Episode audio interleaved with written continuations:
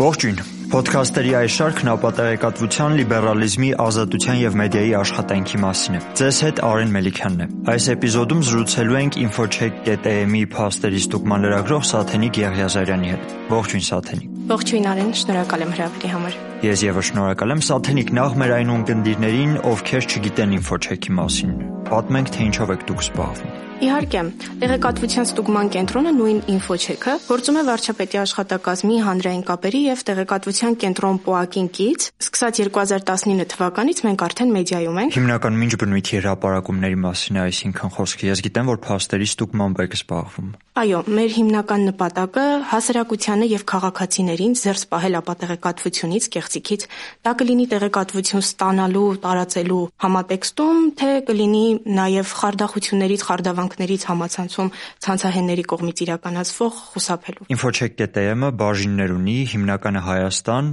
ռազմական եւ տնտեսական նաև կա մեդիագրագիտության բաժին։ Ռազմականը եւ տնտեսականը, այսինքն ամենից շատ շահարկվող թեմաներից են, ամենից հաճախ դրանց եք անդրադառնում, որ առանձին բաժիններով եք դրանք հրապարակում։ Այո, քանի որ infocheck.am-ը հիմնականում գերատեսչությունների կառավարությանը վերաբերող ապատեղեկատվությունների հերկմամբ է զբաղվում, մեզանում հիմնականում հենց տնտեսական թեմաներով եւ ռազմական թեմաներով են ապատեղեկատվությունները շատ։ Քաղաքական ու առողջապահական ճգնաժամին զուգահեռ նաև ապատեղեկատվության ծավալներն է մեծանում, այսինքն տարեսկզբից ի վեր նկատում ենք ի սկզբանե համավարակի վերաբերյալ բազմաթիվ ապատեղեկատվություններ հայտնվեցին, հետո արդեն ռազմական գործողությունների պատերազմի մասին։ Սկսենք հենց համավարակից, այսինքն հիմնականում ինչն է շահարկվում ու ինչպիսի ապատեղեկատվություններ եք գրանցել։ Տարվա սկզբին, տարեսկզբին մենք գործ ունեցանք կորոնավիրուսային համավարակի հետ։ Այդ ընթացքում հիմնականում տարածվեցին միֆեր, դավադրության տեսություններ, կեղծիքներ, որոնք մուտք էին գործում ինչպես արտերկրից, հիմնականում ռուսական թարգմանությամբ էին մեզ մոտ տարածվում։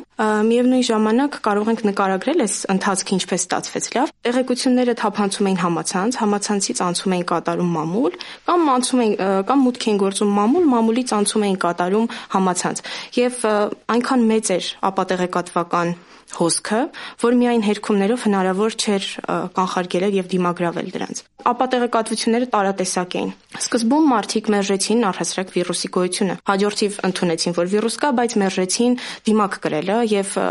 անհատական պաշտպանիչ միջոցներ օգտագործելը։ Հաջորդիվ տարածվեց թեզեր, թե իբրև վիրուսը տարածվում է թեստերի միջոցով, այսինքն մարդկանց վարակում են այդ թեստերը։ Հաջորդիվ հիվրիդի ցանցերն քաղաքական խաղեր էին այս ամենի հետևում տեսնում, այսինքն այո, ուղղորդվածությունների կողմից այո, մարդկանց կառավարելու իբրև թե ինչ որ մեխանիզմեր։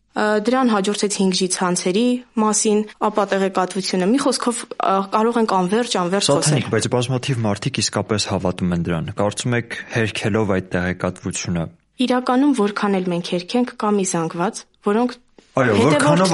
որքանով է էֆեկտիվ է այսինքն այդ հերկումը, որովհետև որպես կանոն գիտենք, որ հիմնականում շատերը անգամ չեն էլ հասնում հերկմանը, հա, տեղեկատվությունը ի սկզբանե ստանում են, քննադատորեն չեն մոտենում դրան, ընդունում են որպես բացարձակ ճշմարտություն եւ հերկումը շատ ավելի քիչ մարդու է հասնում, քան հենց ինքը ինֆորմացիան, որը որ ի սկզբանե է տարածվել։ Այո, ապա տեղեկատվությունը պետք է նշենք, որ շատ ավելի գայթակղիչ է, քան հերկումը, եւ եթե նույն լրատվականը տարածում է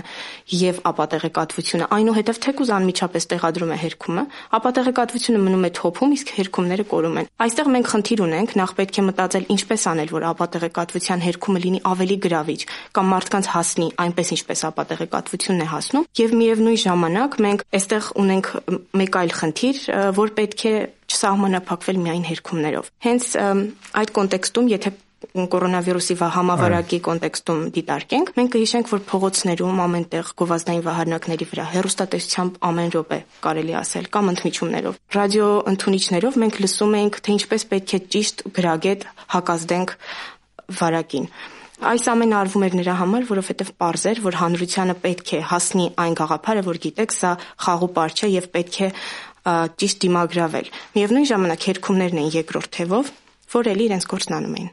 Բայց ինչ պրոֆեսիոնալ լրատվամիջոցները անընդհատ այդ դրական քարոշչությունը իրականացնում էին առողջապահությունը ավելի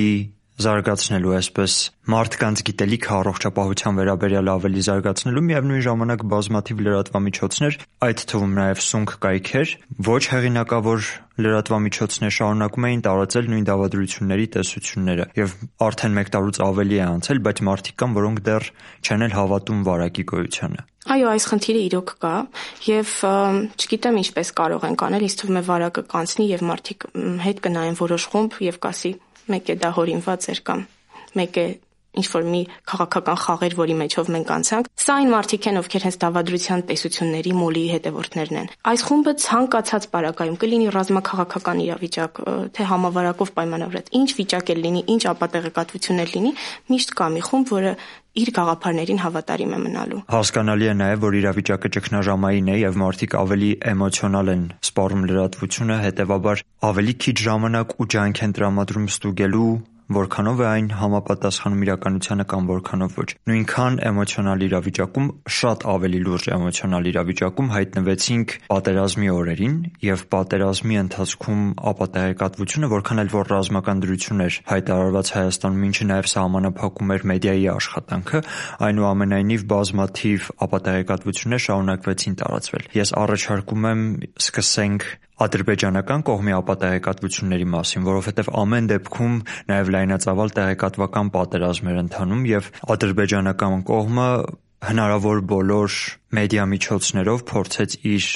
մեսիջները հասցնել հայաստանյան լսարանին օգտագործելով Facebook-ը, մյուս սոցիալական ցանցերը, էլեկտրոնային լրատվամիջոցներ։ Հիմնականում որ ապատեղեկատվություններն էին, որոնք որ թիրախավորում էին հայաստանյան լսարանին ադրբեջանական կողմից։ Շատ լավ, ադրբեջանական արշավների, այսպես մեդիա արշավների մասին խոսելիս պետք է նախ գանք Տավուշյան մարտերից։ Հուլիսին մենք ականատեսը եղանք Տավուշում ռազմական գործողությունների, որը ուղղորդվեց ադրբեջանական լայնածավալ արշավներով, տեղեկատվական արշավներով, դասական տեղեկատվական պատերազմի օրինակ էր կարծում եմ։ Ադրբեջանական հատուկ ծառայությունները իրենց արժև երկու նպատակ են դրել։ Առաջինը խոճապ սերմանել մեր հանրության շրջանում եւ անվստահություն գերատեսչություն գերատեսչությունների նկատմամբ։ Ինչ էին անում։ Առաջին խնդրի լուծման համար նրանք կեղծ էջերով, ֆեյքերով կլիներ կոտրված ամենաակտուալներ, կոտրված հայկական իրական օկտատերերի էջերով խմբերում գրառումներ գործողություններ էին անում հայալեզու խոճապ ստեղծելու նպատակներով։ Ինչեր արվում։ Նրանք գրվում էին, որ մենք ունենք շատ զոհեր, տեսանյութեր էին տարածում հին նախկինում եղած պատերազմներից, տարբեր ապրիլյան օրերին սկրինշոթեր նաև։ Եղծ սկրինշոթեր նրանք տարածում էին ապրիլյան օրերին մեր զոհված տղաների լուսանկարները տարածում էին տեսանյութեր ապրիլյան ապրիլյանի օրերից եւ դրանք մատուցում ու ներկայացնում էին իբրև Տավուշյան իրականություն Տավուշում տեղի ունեցող ռազմական գործողությունների տրամաբանության մեջ եւ հանրությանը փորձում էին ամենքերբ խոճապի մատնել Ինչ վերաբերվում է անվստահության մասով գերատեսչությունների հանդեպ, նրանք փորձեցին կեղծեջեր ստեղծել Պաշտպանության նախարարի խոսնակի Շան Ստեփանյանի անունով Twitter-ում ու մի քանի փորձեր արվեց Facebook-ում եւ դրանցով տարածում էին ապատեղեկատվություններ։ Սաթենիկ, բայց Հուլիսյանի ժամանակ դա բավականին անգրագետ էր արված։ Նույն Շոշան Ստեփանյանի էջով որ փորձում էին իբր կեղծ տեղեկություն տարածել, շատ վատ հայերենով էր գրված եւ շատ հեշտ էր հասկանալ, որ սա ապատեղեկատվություն է, որն ուղղորդվում է ադրբեջանական կողմից։ Բայց սեպտեմբերի 27-ին սկսված պատերազմի ժամանակ տեսանք, որ ավելի գրագետ էր ամեն ինչ արվում, համաձայն ես։ Այո, իհարկե, ես հենց դա էի ասելու, որ այդ ժամանակ մենք եւ մեր հանրությունը շատ պրոֆեսիոնալ կարող եմ ասել, բավարարից ավելի լավ դիմագրավեց այդ ապատեղեկատվություններին եւ շատ արագ հասկանում էին, որ ապատեղեկատվություններ են։ Անկամ չէր հասցնում տեղեկությունը կեղծիքը հասներ մեր դաշտ, մենք արդեն կամ հերքած ենք լինում կամ հանրությունը գիտեր, տեսնում էր ու առաջին հայացքից հասկացել էր հոբ կեղծ է եւ ես պետք է մի մի բանի մասին խոսեմ, որ այդ ընթացքում մենք հասկացանք ինչքան սերտ է մեզ հետ կոնկրետ ինչքան սերտ են աշխատում մեր հետևորդները, նրանք ուղարկում էին դեպքեր, кейսեր տարբեր իրավիճակների մասին եւ ասում էին՝ «Միած կստուգեք ճիշտ է, ինչ է կատարվում» եւ այլն, այսինքն նրանք մեր հետևորդները անմիջական շփման մեջ էին մեզ հետ եւ տեղեկությունները փոխանցում էին, որպեսզի մենք ստուգեինք։ Այսինքն մեդիագրագիտության բավականաչափ լավ դրսևորում էր մեդիագրագետ էր հա, գրագետ էր հասարակությունը այդ ընթացքում, որովհետև անգրագետ էր արված իրենց կողմից ապատեղեկատվության տարածման փորձերը։ Ինչ իրականության մենք բախվեցինք արդեն Արցախյան երկրորդ պատերազմի ընթացքում մենք ունեցանք մի իրավիճակ, երբ իրենց մոտ շատ ավելի ակտիվ կերպով էր փորձարվում ամեն կերպ ներազդել եւ խոճապ տարածել, դա արվում էր զոհվածների անուններ ու նոր նկարներով անուններ տարածելը, եթե կհիշես ռեգիստրից վերցված տվյալներ հրապարակվեցին, հազարավոր որ իրականում իրականությանը բացարձակ չէին համապատասխանում եւ մարդիկ абսուրդի հասնող անուններ կային իրականում այդ ցանկում, ես հիշում եմ։ Այո, կային անգամ անուններ, ովքեր իրականում արձագանքում էին, նշելով ես այստեղ եմ, ինձ հետ ոչինչ չի պատահել։ Նաև կանանց անուններ կային, որոնք որ առաջնագծում չէին եղել։ Այո, ու մարդիկ անդրադառնում էին դրան, նշում էին, որ մեր անունները այս ցուցակում կա, բայց մենք որևէ կապ չունենք, մենք չենք զոհվել, կեղծիք է։ Շատ հեշտ այդ կեղծիքը օրինակ բացահայտվեց, բայց շատ մեծ տարածում գտավ։ Մենք մի խնդիր էլ ունեցանք, որ տեղեկատվության պակասի պատճառով մեր հայրենակիցները անգամ օգտվում էին ադրբեջանական մամուլից, շատ հաճախ հետևում էին իրենց լրատվականներին, տեսնելով թե ինչ է գրվում, գիտակցելով, որ այնտեղ կարող է ապատեղեկատվություն լինել, բայց փորձանում էին այնտեղ գնան եւ տեսնեին թե ինչ են իրենք անում։ Որքան էլ մարդ գիտակցում է, որ ապատեղեկատվություն կգտնի այնտեղ կամ իրականությանը ոչ այնքան համարժեք նկարագիր կլինի, մեկ է նրանք գնում էին, ծանոթանում էին թե ինչ է գրվում ադրբեջանական մամուլում եւ դա իրենց վրա ազդում էր ու բերում էին այդ ապատեղեկատվությունները հայկական ցանց, հայկական տիրույթ։ Ամեն դեպքում ես կարծում եմ, որ արժի նաև տեղեկատվության սպառումը դիվերսիֆիկացնել, այսինքն կարելի է նաև կարդալ թե հակառակ կողմ ինչ է գրում, բայց ամեն դեպքում մտքին ունենալով, որ դա եւս քարոշչության մի մաս է եւ դա նույնպես չի կարելի որպես բացարձակ ճշմարտություն ընդունել։ Հիշատակեցիր, որ ձեր հետևորդները շատ ակտիվ աշխատում էին ձեզ հետ եւ նաև իրենք էին հողումներ ուղարկում ձեզ, որpիսի ստուգեք դրանց հավաստիությունը։ Ինչ հետաքրքրում է իսկ կային դեպքեր, որ իրականում դա ճշմարտությանը համապատասխանող ինֆորմացիա էր, բայց մարդիկ միևնույն է կասկածի տակ էին դնում եւ փորձում էին հասկանալ արդյոք դա ճիշտ է թե ոչ։ Այո, դեպքերը շատ են եւ մենք նրանց ուղարկում էինք հղումը եւ նշում էինք այո, հավաստի աղբյուրից է, այո նման բան կա եւ նրանց այսինքն պատասխանը մեր կողմից լինում էր եթե կեղծիք էր լինում մենք ստուգում էինք եւ նրանց կրկին տեղեկացնում ենք որ գիտեք ստուգել ենք այսպես է իսկ եթե ճիշտ էր լինում իրենց ուղարկածը նրանք չէին ուզում հավատալ այդ տեղեկատվությանը մենք մեկ է գրում ենք այո նման բան կա տեղեկությունը համապատասխանում է իրականությանը շատ լավ մեր ունկնդիրներին որոնք որ գուցե մի օր իրենց Facebook թերթելիս ինֆորմացիա գտնեն որին կասկածում են Ինչպես կապ հաստատել ձեզ հետ։ Մարդիկ, ովքեր կցանկանան մեզ փոխանցել տեղեկատվություն, կարող են մեզ գտնել սոցցանցերում, ինչպես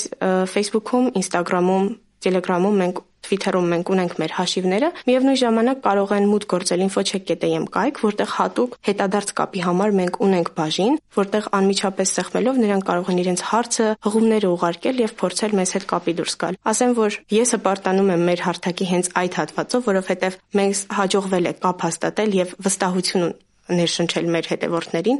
եւ փոխադարձ կապը պահվում է եւ պահվում է շատ լավ։ Նաև ներսում տարածվող ապատեղեկատվություններ չափազանց շատ։ Մի փոքր խոսենք նաև հենց այս դիսինֆորմացիայի մասին, որ թեմաներն էին ընտրվում մարդկանց ուշադրությունը շեղելու ու թիրախավորելու համար։ Այո, ներ, ներսում տարածվող ապատեղեկատվության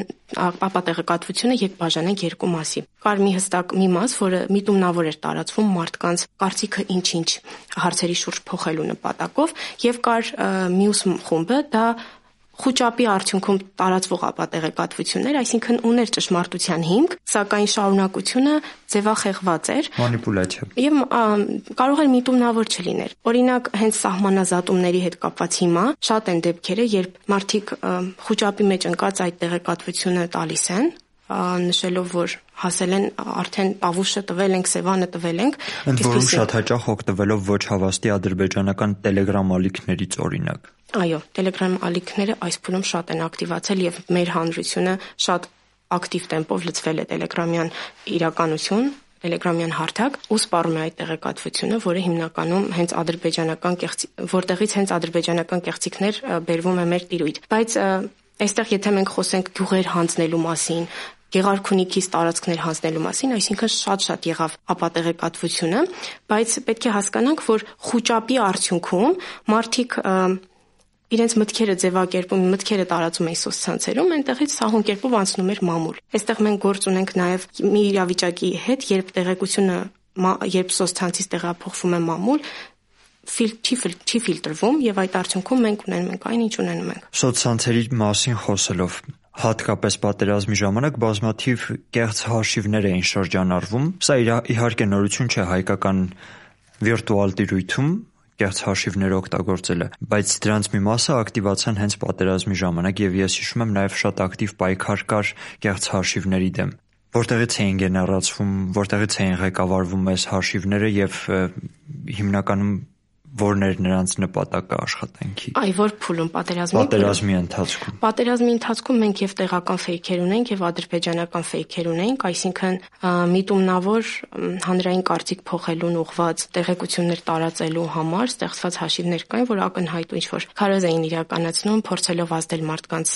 աշխարհայացքի վրա։ Միևնույն ժամանակ մենք ունենք ադրբեջանական ֆեյքեր, որոնք կրկին ամեն կերպ փորձում էին մարդկանց խոճապի մեջ գցել։ Ես իմ օրինակով կարող եմ նշել իմ էջում իմ եղբոր նկարը կա, ով մատաղիսում ժամկետային զինծառայող էր։ Այս պահին մատաղիսը մեր տիրապետության տակ չէ, դրա համ դրա համար նշեցի, որ էր, այս պահին ինքը զինծառայող է։ Ինձ մոտ ադրբեջանցիները ֆեյքերով, հայկական եւ ադրբեջանական հենց էջերով մուտք գործեցին եւ նշեցին, որ մատաղիսը մերն է, ձեր օնկել չկան, ձեր եղբայրը չկա ու նկարներ տարածեցին ու Անկամ ինձ էին նրանք մոլորության մեջ գցել, ես ուզում էի հասկանալ նկարում արդյոք եղբայրս է պատկերված, թե չէ հայտնի նկարը, երբ տղաները ձեռքերը գլխներին դրած իրենց արջև ավտոմատներով ադրբեջանցիներն էին։ Ուզում եմ ասել, որ այսպիսի խոճապ տարածելու խոճապ տարածելու փորձեր էր արվում ու արվում էր շատ հստակ կերպով։ Ես հիշում եմ, որ այդ ընթացքում դուք նաև կեղծ հաշիվների հղումներ էիք ուղարկում ձեր Telegram ալիքով, որpիսի մարդիկ օգնեն նաև ձեզ բողոքելու այդ հաշիվների դեմ։ Ինչպես է գտնում այդ հաշիվներին։ Մարդիկ, որոնք որ դժվարանում են տարբերակել արդյոք այս հաշիվն իրական է, թե կեղծ է օկտատերը։ Ինչպես կարող են հասկանալ, գուցե մի քանի գործիք կա, որոնց մասին արժի պատմել լսարանին։ Այո, մենք տեսնելով ապատեղեկատվությունը միայն չենք սահման սահմանափակվում գտանք ապատեղեկատվություն, մենք փորձում ենք հասկանալ ակունքը, թե որտեղից է սկսվել, տարածվել։ Եվ երբ հասնում ենք, հասկանում ենք, որ մի էջ է, որը կասկածելի է։ Ուսումնասիրելով էջերը, մենք գտնում ենք, որ դրանք նոր են ստեղծվել հստակ ինչ որ ուղղվածությամբ քաղաքականություն են վարում եւ ուսումնասիրության արդյունքում մենք բացահայտում ենք, որ դրանք fake են եւ մեր հետևորդների օգնությամբ կարողանում ենք փակել հասնել նրան, որ այդ հաշիվները փակվում են հիմնականում Facebook-յան։ Մենք 10-ից ավելի այդպիսի հաշիվներ են կարողացել փակել շնորհիվ հենց այդ նախաձեռնության, որ ունեցանք։ Դրանք ոչ միայն հաշիվներ էին, այլև որոշ դեպքերում հենց էջեր էին, այսինքն էջեր էին ստեղծվում ապատեղեկատվություն տարածելու նպատակով, որոնք որ հայերեն անուններ ունեին, նաև որպես կանոն, այսինքն լուրեր, լրատվական եւ այլն, ու սրա միջոցով էին նաև փորձում ապատեղեկատվությունը տարածել։ Այո, մենք նաև այդպիսի էջերի հղումներ էինք տալիս, նույն սկզբունքով մենք գնում էինք հղումներով, հասկանում էինք ակունքը, որտեղից է սկսել եւ Նաև այդ էջերը փոխանցում ենք մեր հետևորդներին, որպիսի բողոքարկեն եւ փակեն։ Մենք այդ առումով շատ լավ հաջող գործունեություն կարողացանք ծավալել ու շատ-շատ ապատեղեկատվություն տարածող հաշիվներ փակեցինք։ Միևնույն ժամանակ իրազեկում էինք այն խմբերի մասին, որոնք ստեղծված են ստեղծվել էին լրատվականների նույնությամբ, այդպիսի դեպքերը շատ-շատ եղան։ Լրատվականների նույնությամբ հայտնի լրատվականների ստեղծված էջեր էին, որոնք ադրբեջանական ապատեղեկատվություն էին տարածում, ակնհայտ ադրբեջանական։ Եվ անգամ տեսնում ենք, որ կառավարվում էին այդ էջերը Ադրբեջանից։ Այդ էջերին նույնպես մենք կարողացանք գտնել ու փոխանցել համապատասխան մարմիններին միևնույն ժամանակ բողոքարկումներով հնարավորինս пассивացնել նրանց գործունեությունը։ Ինֆոչեքը մոտ 2 տարի է, որ աշխատում է երբ ճգնաժամային իրավիճակում չէինք, այսինքն երբ պատերազմը եւ համավարակը դեռ չկային, հիմնականում որ թեմաներն էին մանիպուլացվում ու ապատեղեկատվությունը որ ստուգում էիք, հիմնականում որ թեմաների վերաբերյալ էր։ Համեմատ հանգիստ պայմաններում մենք անդրադառնում ենք կառավարությանն առնչվող ապատեղեկատվություններին եւ գեբետական գերատեսչությունների շուրջ տարածվող ապատեղեկատվություններին կլինեն դրանք ուղղորդված թե ոչ միտումնավոր տարածվող հիմնականում հենց թվերի հետ է կապված լինում ապատեղեկատվությունը օրինակ ամենատարածված օրինակը հենց ապարքեվավճարների թեմաներն էին որ parberabar տարածվում էին սակայն նմանատիպ տեղեկատվությունը պարզապես մեր հետևորդները չեն կարող ուղակի տեսնել եւ հասկանալ ճիշտ է թե չէ այստեղ պետք է որ փաստերի ստուգմամբ զբաղվող լրագրողները իրենց աշխատանք անեն հետազոտությունն իրականացնեն եւ արդեն բացված ներկայացնեն հանրությանը, որպեսզի նրանք կարողանան հասկանալ ինչ էր կատարվում։ Բայց այն կան նաև այնպիսի տեղեկություններ, որոնց որոնք շատ հեշտ կարող են բարբերակել, կեղծ է թե ոչ։ Օրինակ խարդախությունները, որ իրականացվում են սոցցանցերում եւ դրանք չափազանց մեծ թիվ են կազմում, սովորաբար արվում են շատ անգրագետ, բայց մեր հայրենակիցները դրանց զոհը դառնում են։ Դա դրանում համոզվելու համար ընդհանրապես կարող ենք տեսնել օրինակ Քիմ Քարդաշյանի էջով բացված հաշիվ, հաշիվ, որը հին մի տեսանյութ է հրապարակում, վերևը նշվում է գրեք ձեր գրեք թե ինչ եք ցանկանում, ինչքան գումար եք ցանկանում, ուղարկեք այս էլ էլեկտրոնային հասցեին եւ այլն, մենք կփոխանցենք ձեզ այդ գումարը Երևի թե նկատած կլինեք, նմանատիպ շատ խարդավանքներ են իրականացվում։ Բայց իրականում ընդհանրապես շատ փոքր ուշադրություն է պետք, որpիսի ուղղակի ակնհայտորեն հասկանալի է, որ էջը չի ղեկավարվում Քարդաշյանի կողմից օրինակ, նաև կարելի է վերևում հասցեի միջոցով բարձել։ Այո, այն ընդհանրապես պետք է ուշադրություն դարձնել, արդյոք դա վերիֆիկացված էջ, այն կապույտ նշանը փոքրիկ որ կա անվան կողքին։ Անկամ պարզապես հետևորդների թվին նայելով Եվ նաև ամեն դեպքում հիշել, որ որևէ մեկը ձեզ ուղակի գումար չի նվիրելու կամ որևէ թանկարժեք նվեր։ Այո, նման խարդավանքները շատ-շատ են եւ ոչ միայն նման այդ տեսակի, նաեւ մեր էլեկտրոնային հասցեներին ենք մենք ստանում տարբեր տեղեկություններ թե իբրև մեր հերավոր բարեկամը մահացել է եւ մեզ կտակ է թողել ու առաջարկում են որոշ գումար փոխանցել այդ հաշիվներին, որ հետադարձ կապ հաստատեն մեզ հետ եւ փոխանցեն մեր ստանալիք գումարը, այդպես էլի փորձեր են արվում, որպիսի գումար շորթեն։ Instagram-ում եւս նման խարդավանքները շատ-շատ են։ Շատ շնորհակալ եմ այս զրույցի համար։ Հուսամ էլի կվերադառնան այն ժամանակները, երբ ամենամեծ ապատեղեկատվությունները կլինեն նման արի անվանենք դրանք բարձ թեմաներով։ Քեզ շատ շնորհակալ եմ զրույցի համար։ Եւս շնորհակալություն հնարավորության համար։ Ոդկասթերի այս շարքն իրականացվում է Digital Communication Network-ի կողմից Ֆրիդրիխ Նաումանի անվան հանուն ազատության հիմնադրամի հայաստանյան մասնաճյուղի աջակցությամբ։ Հերարցակման բացառիկ իրավունքն ազատություն ռադիոկայանինն է։ Զրույցի ընթացքում հնչած կարծիքները բացառապես զրուցակիցներինն են եւ կարող են չհամընկնել նախագծի կազմակերպիչների կարծիքների հետ։